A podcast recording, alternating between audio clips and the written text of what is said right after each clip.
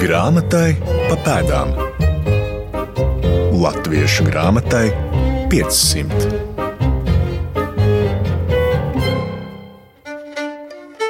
Stenders ir, protams, ļoti interesanta un uh, nozīmīga persona latviešu kultūras vēsturē kopumā. Protams, valodas vēsturē varbūt nedaudz mazāk no vienas puses, jo viņš pārstāv jau to laikmetu, kad mm, rakstu valoda ir samērā nostabilizējusies un iegūst tādas zināmas normas un zināmu veidolu, kādā tā pastāv līdz pat 19. gadsimta vidum. Ja, viņš ir tāds vidusposms, bet savukārt viņa pienesums tajā dažādībā, dažādošanā ir ievērojams. Viņa literārie darbi ir izauguši arī no viņa gramatikām un otrādi. Viņam viss kopā, tāpēc viņa gramatiku latviešu literatūra arī tiešām sauc par tādu filoloģisku rakstu krājumu devumu. Viņa devums ir tāds nu, tā kā ceļa stabiņš garākā pētījuma rindā, un viņš ir uh, pirmais, kurā vārdnīcā ir atsevišķas nodaļas, kas ir veltītas īpašu vārdiem.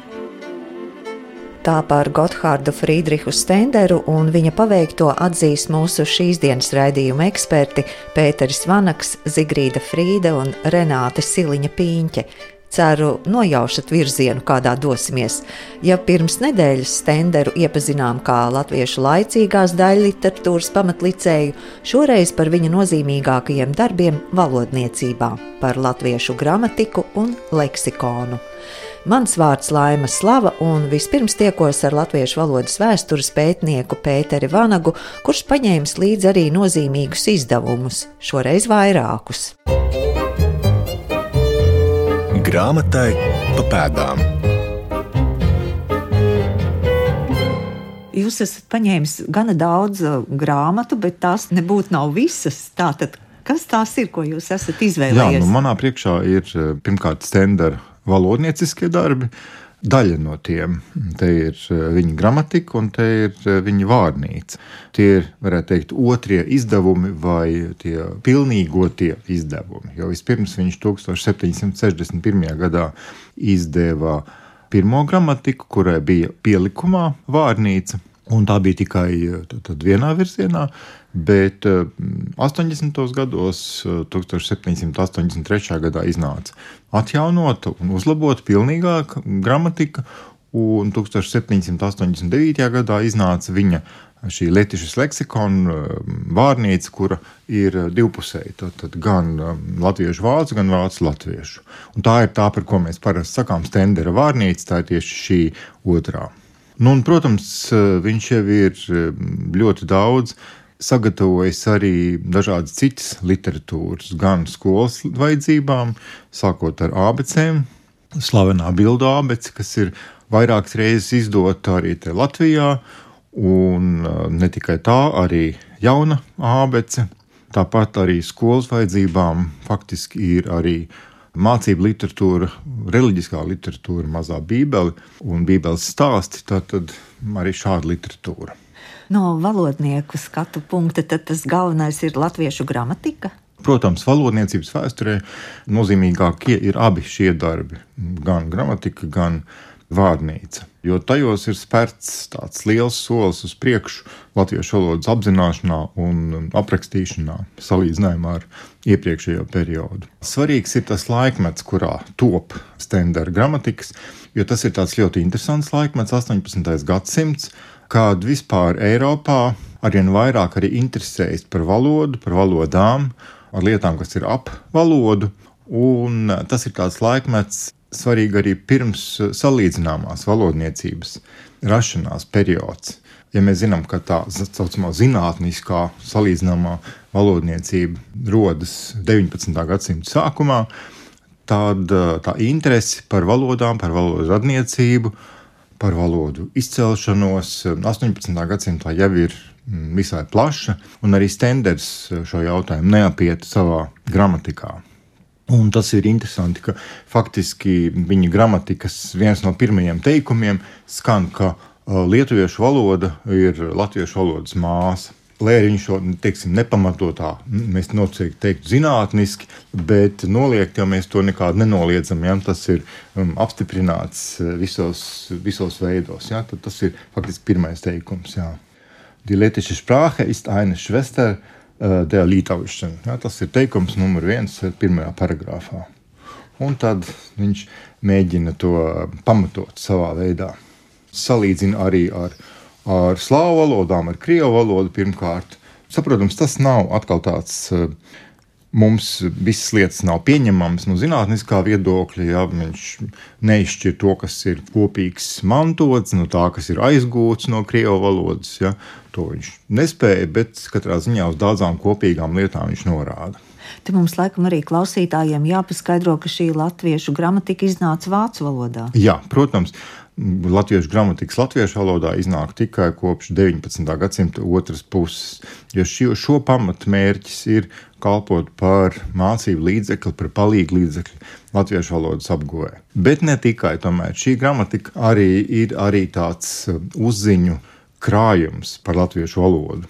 Latviešu kultūru turklāt, ne tikai valodu tiekos ar filozofijas zinātņu doktori, literatūra vēsturnieci Zigrīdu Frīdi, kura Stendera gramatiku tulkojusi latviešu un paņēmusi līdzi gan Stendera 1783. gada Jālgavā izdoto Letiša gramatiku, gan pašas tulkoto izdevumu. Abas grāmatas vizuāli ir tik līdzīgas. Viņa grāmatas ir ļoti reti eksemplāri. Piemēram, arī šī grāmata īstenībā tā ir Latvijas gramatikas trešais izdevums. Jā, es jums varbūt nos, pateiktu to pilnu nosaukumu, ja, lai būtu iepazīstināti. Tātad. Latviešu gramatika, es latviešu, kā es esmu iztulkojis, latviešu gramatika sarakstīta no Gotthārda Friedrichs Stendera, Sēlijas baznīcas apriņķa prāvesta, Sēlijas un Sunāks vecā mācītāja un Getingenas karaliskās vācu biedrības biedra.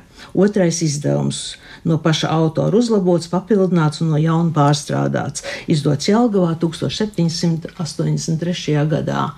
Īsnībā tas ir pat trešais izdevums, jo pirmajam izdevumam bija labs noiets, un viņi izdeva vēlreiz pēc diviem gadiem. Tā kā pirmais izdevums, kas iznāca 1761. gadā, Tajā laikā, kad arī Stenders bija uh, Eiropā, un otrs 63. gadā, kad jau viņš bija Kopenhāgenā, Karaliskajā galmā. Starp citu, viņu var arī atrast pirmo izdevumu datorā atrodams, tā kā pie vācu tekstiem, labi iefaksimilēti, un viņus arī tiešām var atrast un paskatīties. Bet, ja grib lasīt latviešu valodā, un tā kā tagad mums angļu valoda dominē, tā kā es domāju, ka varbūt kādam interesanti ir arī, kurš nezina vācu valodu, šo grāmatiņu izlasīt. Pirms pārlapojam Stendera gramatiku, Zigrīda Frīda iezīmē viņa nacionālo apziņu, kas rodama Baltvācu izcelsmē izcelsmē. Viņa tēvs arī bija mācītājs, viņš mazliet bija ar tādu citu attieksmi. Man liekas, ka viņš pats to nebija rakstījis, ka viņa tēvs devās kādreiz arī pa laukiem staigāt, un viņam esot kabatā bijis korācija teksti. Bet, kad Stenders gāja staigāt, tad viņam vienmēr bija kabatā grāmatiņa un zīmolīts, un viņš pierakstīja kaut ko interesantu, kādus vārdus, ko viņš dzirdēja, ko viņš pirmo reizi dzirdēja, tam viņš tūlīt piegāja klāt un prasīja skaidrojumu. Un, nu, protams, tas tā. Tātad šī Baltvācu izcelsme, bet viņa, viņš savā patriotiskā apziņā e, jutās pilnīgi kā kurons, ja, tā kā kurzemes hercogistes piederīgais, un arī, kad viņš imatrikulējās universitātē, tad viņš arī sev pieteica kā kuroni. Bet viņa mēroga, protams, ir daudz plašāka par kurzemi, ja, jo viņa tā, šī garīgā Eiropas dzīve un, un kristīgā tradīcija tā jau bija vispār Eiropas. Tā kā tiešām varētu teikt, ka viņš bija Eiropas kultūras tradīcijas cilvēks. Turklāt viņa daļradas aicinājums bija izteikti balstīts vācu apgaismas racionālismā. Tātad viņš bija vācu apgaismas racionālists. Viņš uzskatīja sevi par tik pārliecinošu apgaismas ideju, tādu, ka pat uzskatīja, ka tas viņam tāds no providences, viņš neteica no dieva, ka tas ir viņam tāds providences lēmums, ka viņam ir lietas, kas viņam dzīvē ir jāizdara, pēdējais viņa izdevums, latviešu gramatikas izdevums, kas jau mūža nogalē iznāca, viņš arī pateicās providencei par to, ka ļāvis viņam savu darbu pabeigt. Atklājam tekstus! Ja, ja paskatās um, saturu, tas saturs arī kaut kur starp ievadiem. Ielūkosimies latviešu gramatikas satura rādītājā. Stenders raksta par ortogrāfiju, par latviešu vārdu etimoloģiju, arī par sintaksi. Zigrīda Frīde min, ka interesanti ir nodaļa par latviešu dialektiem. To izceļ arī valodas vēsturnieks Pēteris Vanaks. Protams, tas interesantākais un tas jauninājums zināmā mērā ir tas, kas nāk pēc šīs tīrās gramatikas, jo tur viņš īsi aplūko latviešu izloksnes, latviešu dialektus. Tas ir pirmais tāds apraksts, kas mums ir. Tad arī to, ko mēs jau šodien teiktu par folkloras krājumu.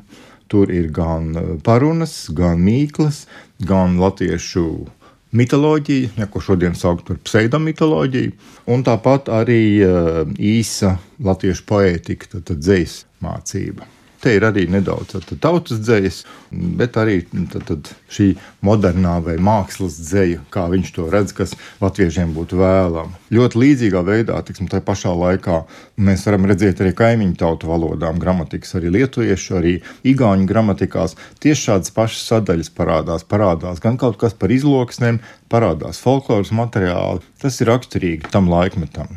Par izloksnēm, kā viņš tās ir apguvis, kā viņš tās ir atradis, kā viņš tās ir aprakstījis. Protams, tas ir diezgan vienkāršots apraksts. Viņš sāk ar tādu vienkāršu sadalījumu, ka tā tīrākā un labākā latviešu izloksne ir tātad Latvijas vidienē. Viņš apraksta, kur tas ir Jālgava, Valmiera, Jācēs. Nu, būtībā to, ko mēs zinām, kas ir mums vidus dialekts un tas centrālais areāls. Un tajā ir tulkot arī Bībeli. Un tad kā pretstatu viņš norāda, ka ir tas, kā viņš saka, sliktākais dialekts, tas ir tas, kas tiek runāts poļu vidzemē, tas ir to, ko mēs šodien saucam par latgali. Nu, protams, tāpēc, ka tur ir atšķirās skaņas, ja? un kā paraugu viņš dod arī nelielu fragmentu un salīdzinājumā no mm, tolaik izdotās, latgaliski izdotās reliģiskās literatūras, ja fragmentiņu, un tad paskaidro, ko tas tur nozīmē, un rāda tās atšķirības ar piemēriem. Jā, ar piemēriem. Un bez šī viņš arī tam pašam dialektam pieskaita arī augšzemnieku, tad, tad to, kas būtu augškurzemē, jeb sēlijā, kā mēs šodien teiktu, runāto valodu. Un rāda arī, ka tur ir tad, tad citu valodu ietekme, tur ir krievu, poļu, lietuviešu valodas ietekme. Vēl viena lieta, kas nav laba valoda viņam, ir to, ko viņš sauc par tāmiem, jeb tāmniekiem, bet tas nav tas, ko mēs šodien tā parasti saprotam, kur zemes ziemeļus, ja, biežāk, bet kur zemes dienvidus, tieši liepājas krunda viņš min. Un norādot, ka tur arī pārveido vārdus. Nu, tur saka zirgs un korpe, citur saka daras dārza vietā un varana vārnas vietā. Tātad tās iezīmes, ko mēs pazīstam gan kursiskajām izloksnēm, gan arī zemgaliskajām izloksnēm. Nu, un tās lūk, viņš arī norāda, ka tās ir rakstu valodai nepiemērotas. Savukārt Zigrīda Frīde īpaši izceļ nodaļu par mitoloģiju. Arī noteikti jāpiemina ir mitoloģija, jo viņa šīs mitoloģijas, ko latviešu mitoloģijas saraksts, tā ir interesanta ar to, ka viņš ir Viņu veidoja, meklējot bieži vien to, kā nemaz latviešiem arī nebija viņš šeit publicē, bet kur, piemēram, pēc tam tautiskā romantisma laikmetā latviešu literāti ieviesa vārdus, ja tādus, kurus latviešu tauta iespējams, ka arī varbūt bez stendera šīs, šīs mitoloģijas nodaļas nebūtu arī lietojusi. Pēc stendera iznāk, ka latviešiem ir gan jūras dievs, Antripus, ar ko viņš sāk, ja kā pirmo dievu. Viņš izskaidro, kas ir jods latviešiem, kas ir jupis, kas ir jumals, ķēms, kas ir, nu, piemēram, kas ir ķēms, ja? Miruša cilvēka parādīšanās, par ko latvieši agrāk daudz mēļojuši, bet tā kā viņš ir apgaismotājs, tagad tas nozīmē spoku vai bubuli, kurš īpaši spokojas rijās, klētīs, pagrabos, un tiem, kas nāk par tuvu, apgriež kaklu. Mēs nemaz nezinām, ka mums ir gardēts, kas ir dievs pār vēju un laika apstākļiem, bet it kā viņš atradz, ka kaut kur to piesauc piekrastes zvejnieki, vai arī, piemēram, drepkuls. Zemestrīces dievs, kurš mm, zemi tik ļoti sit, ka viss drēb. Viņš arī ir stāsta, kas tas ir līgo dievs, ja tā tad līgsmības dievs, kurš dziesmas pie sakurtas uguns, Kupidona svētkos. Tātad viņš uzskatīja, ka latviešu šie, svētki ir zināmā mērā tā kā tādi Kupidona svētki. Tas ir ap mūsu Jāņu nakts laiku, dziedāja gandrīz visas ziemeļnieku tautas. Vēl tagad vārds līgot nozīmē to pašu, ko līksmoties. Šāds skaidrojums šim vārdam ir ļoti daudz dažādu skaidrojumu, bet Stenders ir devis šādu skaidrojumu. Vai no tā stendera atstātā piezīmju materiāla arī var spriest par to, kā tapusi gramatika, vai viņš ir atstājis kaut kādas liecības par to, kā viņš jā, pie protams, tā strādājis? Jā, protams, viņš pirms, kad izdeva pirmo gramatikas izdevumu, iespējams, viņam pat vēl nebija doma. Viņš varbūt gribēja palikt kaut kur Eiropas zinātnē un, un, un Eiropas zinātnes pasaulē. Toreiz viņš vēl nebija domājis, varbūt braukt arī uz kurzem atpakaļ. Bet viņa gramatika bija tāds pamats, kurā viņš bija ielicis arī iedīgļus tam, kā viņš vēlāk radīja gan svētu stāstu grāmatu, gan uh, dziesmu grāmatu, gan ziņas un tā tālāk. Bet viņš visu mūžu ir pie tā, šīs savas gramatikas strādājis. Vairāk gan pēc tam viņš pie pirmās gramatikas bija arī vārnīcas daļa, kur viņš tiešām mūža nogalē tikai pabeidz šo darbu. Bet gramatiku tātad no otrā izdevuma 63. gadā pagāja 20 gadi. 83. gadā gadā, kad viņš izdeva savu šo pamatdarbu, šo gramatiku, tad tur bija ļoti ļoti daudz labojumu, pilnīgi cits darbs tas bija. Un arī savu gramatiku viņš arī, un vispār savas lietas viņš vienmēr laboja, grāmatā rakstīja iekšā, kas tur nav kā pielika kaut ko klāt, ko viņš jau, un tātad viņš ir radoši strādājis visu laiku, apskaužami radoši strādājis. Kā šis uh, trešais izdevums, oriģināls, nonāca pie jums? Man kolēģis uzdāvināja, viņš ir grāmatiņai savu vēsturi, viņa nāca cauri uh, savulaik no, no literāta pelēča grāmatu kolekcijas.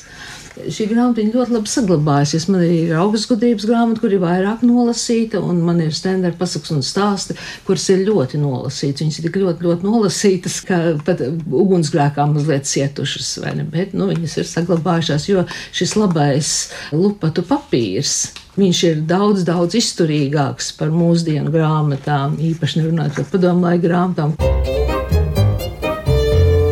Grāmatai pa pēdām. Ievērojama nozīme latviešu valodniecības attīstībā bija Stendera sastādītajai vācu latviešu un latviešu vācu vārnīcai Letišas leksikon. Pēteris Vanaks par Stendera vārnīcu turpina. Nu, vārnīca ir interesanta ar to, ka tajā ir iestrādātas, mēs nu, skaidri zinām, ir iestrādātas divas līdz tam esošas vārnīcas. Tā ir Kaspara Elversa 1748. gada vārnīca, Liber Memoriāls Letikus. Un tāpat viņš ir izmantojis Jāka Blankas eh, vidzemes mācītāju vārnīcu, kas iznāk tad 18. Um, gadsimta 80. gados. Tas ir šajā otrajā, šajā pilnīgajā vārnīcā. Nozīmīgi ir tas, ka viņš pie vārdiem, kurus viņš ir ņēmis no šiem autoriem, bet kurus viņš tā pats nepazīst, viņš norāda viņu iniciāļus.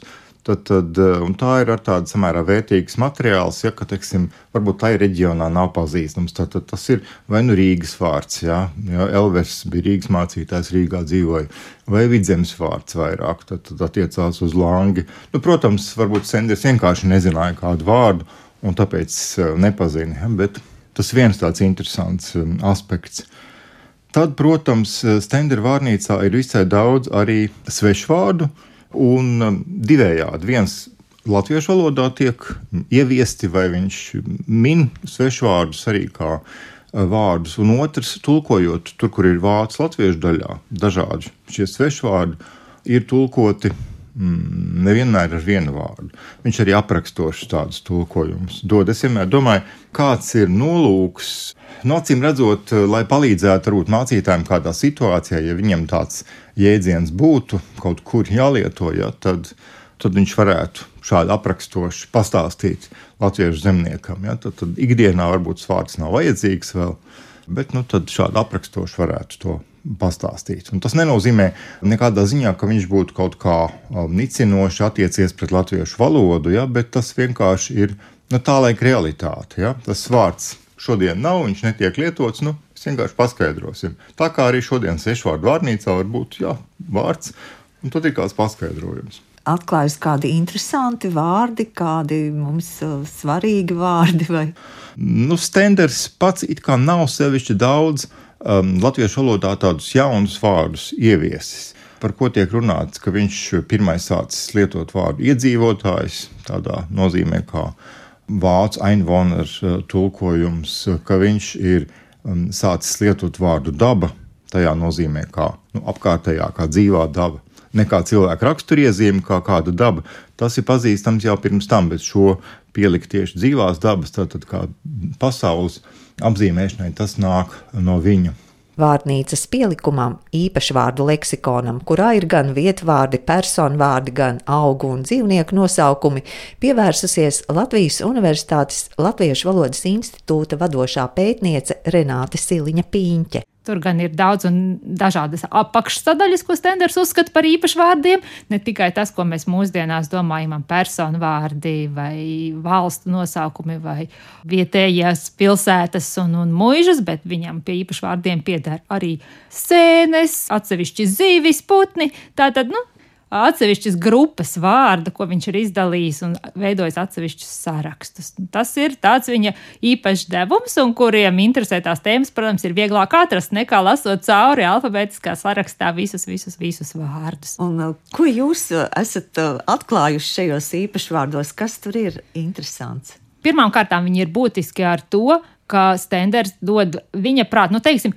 tulkojumus vārdu. Nevar teikt, ka tās ir vārdu atbilsmes. Viņš uh, raksta, kā to, kāds vārds būtu vācu valodā un kādu tad latviešu lieto. Un tās latviešu atbilsmes viņam tur ir diezgan liela strīpa. Reizēm vienam vācu vārdam pretī varētu būt pat 4, 5 vai 6 vārdi, nu, ko mēs mūsdienās sauktu varbūt par uh, mīļvārdiņiem, reizēm sauc arī par hipokoristikām, tātad saīsinātām vārdu formām, bet viņš nenodala, kādas ir kuras, viņš viņas liek visas strīpā.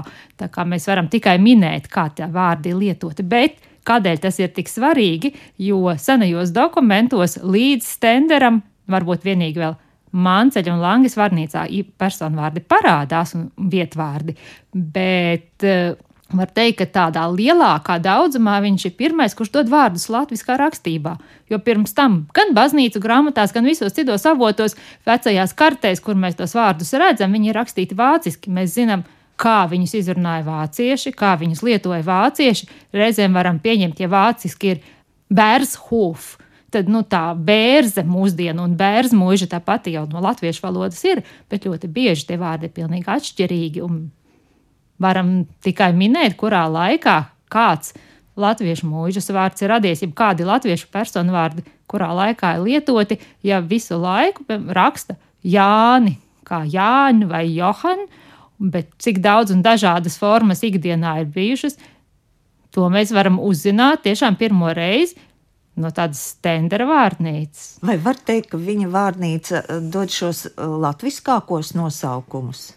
Personvārdiem var tā teikt, ka latviskos kaut gan reizēm varētu arī domāt, nezinu, vai tiešām tie visi ir lietoti. Mums ir stendera fakti, bet uh, vārnīca ir vārnīca. Viņā var ielikt daudz ko, bet, ja mums, piemēram, baznīca grāmatas nāk pretī, kur tāds vārds parādās, mēs zinām, jā, stenders ir tiešām skatījies dzīvē, kā viņš pats gan arī saka, ka viņš ir. Uh, dzīvē šos vārdus noskatījis. Varbūt var nocitēt kādu gabaliņu, ko viņš tur ir sarakstījis. Renāta citē, ko vārnīcas ievadā rakstījis pats Stenders. Nāman leksikonu ir tā, ka šā leksikona katras daļas beigās ir pievienots īpašs vārdu leksikons, kurš latviešu literatūras cienītājiem būs īpaši patīkams. Jo tie šeit vienopus atradīs vārdus, bez kuriem mūsu latviešu tēvijas iedzīvotājiem neiztikt. Proti, tiem, kuri mācās latviešu valodu un grib arī tie mācītāji, kur nāk uz Latviju dzīvot, viņiem tie mūža nosaukumi jāzina, gan kā latvietis viņu izrunā, gan arī tie vārdi, ko latvieši savā starpā lieto, kad maija arī būs Marija vai ka klāsts būs Nikolaus. Viņš to tā kā māca tos cilvēkus, kuri mācās latviešu valodu, arī atpazīt tos īpašvārdus sarunā. Nu, piemēram, tādi kā mūsdienās mazāk zināmi personu vārdi būtu birre no Brigitas. Ēde vēl varbūt ir dzirdēts no Hedvigas, Pallaša. Un pavisam dīvains vārds varētu likties bīne no vārda benigna. Likās, nu kas tad tas tāds par vācu vārdu? No kur latviešiem varētu rasties tādi vārdi? Bet, ja paskatās kurzemes hercogistas kontekstā, kad ir bijusi hercogiena benigna, tad var domāt, ka jā, ka droši vien tas vārds ir bijis populārs, tad attiecīgi arī vāciešiem, mužniekiem Un latvieši, noklausoties mūžnieku vārdus, adaptējot viņus latviešu valodā, no benignas varētu būt veidojuši bīni un lietojuši kādu laiku. Kā jau mums zināms, ir modes vārdi, kur, kur parādās un pazūd. Bet tas arī būtu jautājums, kurš būtu jāpēta, jāmeklē, vai tiešām bija un cik daudz bija un kurā laikā. Tas ir tāds šobrīd vēl stipri mazpētīts lauks, tā tāda lēnām taustīšanās uz priekšu, kurā virzienā, ko var atrast. Tieši tas, ka latviešu vārdi latviešu formās ir ļoti, ļoti reti, kur dokumentos sastopam tajā laikā, tas to visu ļoti apgrūtina. Renātes Siliņas piņķis pētījuma lauks pārsvarā ir vārnīca, taču ne tikai stendera. Viņu interesē personvārdi vēsturiskā attīstībā, sākot ar pirmajiem personvārdiem, kas minēti Mānceļa vārnīcā. Paralēli pētniece sadarbojas ar kolēģiem, kuri pēta personvārdus baznīcas grāmatās. Jo mums kolēģi Ilgu Jansonu, piemēram, bija pētījums tieši par stendera vārnīcu un personvārdiem, un par to, kas tā ir tā laika baznīcas grāmatās. Viņa bija pētījusi ērģemes draugu, kas, protams, ir ļoti tālu, tā ir Igaunijas pierobeža, bet tā bija draudzene, kurā šī laika dokumenti bija. Un atradās, protams, līdzības, tā īpaši populārāko vārdu daļā, bet arī uh, secinājums, ka baznīcas grāmatās ir daudz vāciskotākas formas, Un tad ir jautājums, vai Stenders pats ir latviskojis daudz vairāk, vai viņš tiešām tās ir dzirdējis, vai savukārt mācītāju baznīcu grāmatās ieraksta vāciskākas formas nekā latviešu pasaka. Nu, tas ir tāds atklāts jautājums. Un bija arī paņemts līdzi papildus uh, sunākstas draudzes baznīcas grāmata, kas gan no bišķi vēlāka laika, viņiem nav tik senu. Un Tur arī atradās daži no tiem vārdiem, kas, piemēram, ērģemē nav, stendera vārnīcā ir. Un atradās arī sunākstas pasnīcas grāmatā tāds apliecinājums, ka stenders tiešām arī tādus dzīvē dzirdējis. Kādā no saviem pētījumiem par vietvārdiem Renāte secinājusi, ka stenders izmantojis Langas vārnīcu. Bet viņš ir arī ļoti daudz paņēmis klāt apmēram pa kādu trešdaļu mužvārdu vairāk stendera vārnīcā nekā Langas vārnīcā. Protams, tas, ka viņi katrs nāk no citas puses un nu, katram ir citas mūžas labāk vai mazāk zināmas. Un arī tādas mainīgas lietas, kā piemēram Jaunjēlgava, kuru visi zinām kā vāciski, kā Friedrichstatu klasisko, bet arī tas, ka Noišteķina bijusi un tā kā jaunā pilsētiņa. Tas, ko atpakaļ laikā skatoties Mānceļa vārnīcā, vēl redzam, ka Jēlgava var nozīmēt vienkārši pilsēta. Tā kā jauna Jēlgava, jauna pilsēta, tā izcēlesme vārnīcā parādās varbūt Stenderam tieši tāpēc, ka viņš tur ir tuvāk nekā Lange. Vai parādās arī citu zemju pilsētas? Stendera vārnīcā. Viņam ir atsevišķa sadaļa jā, par uh, svešām zemēm, par svešām valstīm, bet tajā sadaļā, kur viņam atsevišķi ir uh, Vidzemē, proti, Līflanda. Nu, tur arī ir Igaunijas, Dienvidigaunijas vietvārdi un arī Latgales daži. Raidījumu iesākām ar triju pētnieku ceļvārdiem. Tāpat arī noslēgsim ieskatu Gotthārda Friedriha Stendera paveiktajā latviešu valodniecībā. Svarīgā grāmatzīme. Var teikt, ka no autora uz autoru sākot no Manceļa, Fīrikers, Lange, Stenders, visi, kas mums zinām lielāku vārnīcu autoru, kuriem ir īpaši vārdi vārnīcās vairāk vai mazāk. Šo vārdu skaits pieaug, rakstība kļūst latviešu valodai tuvāka, tad viņa vairāk kaut ko pasaka par latviešu vārdu lietojumu. Jā, protams, pēc tam vēl seko Ulmana vārnīca 19. gadsimts. Bet jā, tas ir diezgan liels lēciens salīdzinot ar iepriekšējām vārnīcām tieši vārdu skaita un formu daudzveidības ziņā. Jā, jā un tas ir tas materiāls, kas kalpo par latviešu gramatikas apraksta pamatu līdz pat 19. Mm, gadsimta vidum, līdz, nu, faktiski līdz Bīlenšteinam.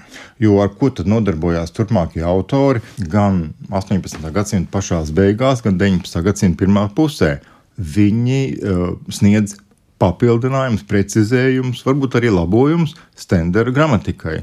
Un tie vienmēr ir norādīts pie tāda paragrāfa, Mēs domājam, ka ir tā un tā. Tur viņš kļūdās, vai tas ir jā, bet mēs vēl te papildus kaut ko dosim. Tas pats attiecas uz vārnīcu. Tieši tāpat. Katerfelds, kas bija Kronvaldata audzinātājs, savulaik bija teicis, ka Stendera gramatika ir klips ceļvedis. Nu, tādā ziņā, ka viņa daudz pieklibo un kad latviešu valoda ir jāpēta pašiem latviešiem un viņa audzēknis, tātad Konvaldats, arī ļoti daudz ir pielicis klāt latviešu valodas attīstībai, latviešu valodas virzīšanai uz modernu valodu. Bet, protams, pirmais bija auseklis, kas ļoti sajūsminājās par um, stendera darbību. Pat uh, viņam ir tādi skaisti vārdi, es necitēšu precīzi, nu, apmēram, ka savērdams virtenē latviešu vārdus, viņš saistīja latviešu tautībā, jā, ar tādu pacēlumu.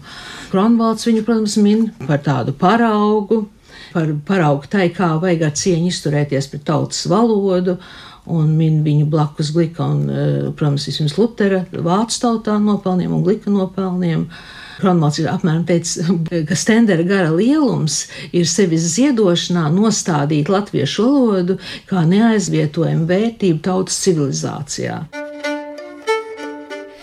esam mazliet pavēruši un pašķirstījuši Stendera nozīmīgākos darbus latviešu valodniecībā. Šajā reizē man palīdzīgu roku sniedza pētnieki Zigrīda Frīde, Renāte Siliņa Pīņķe un Pēteris Vanaks.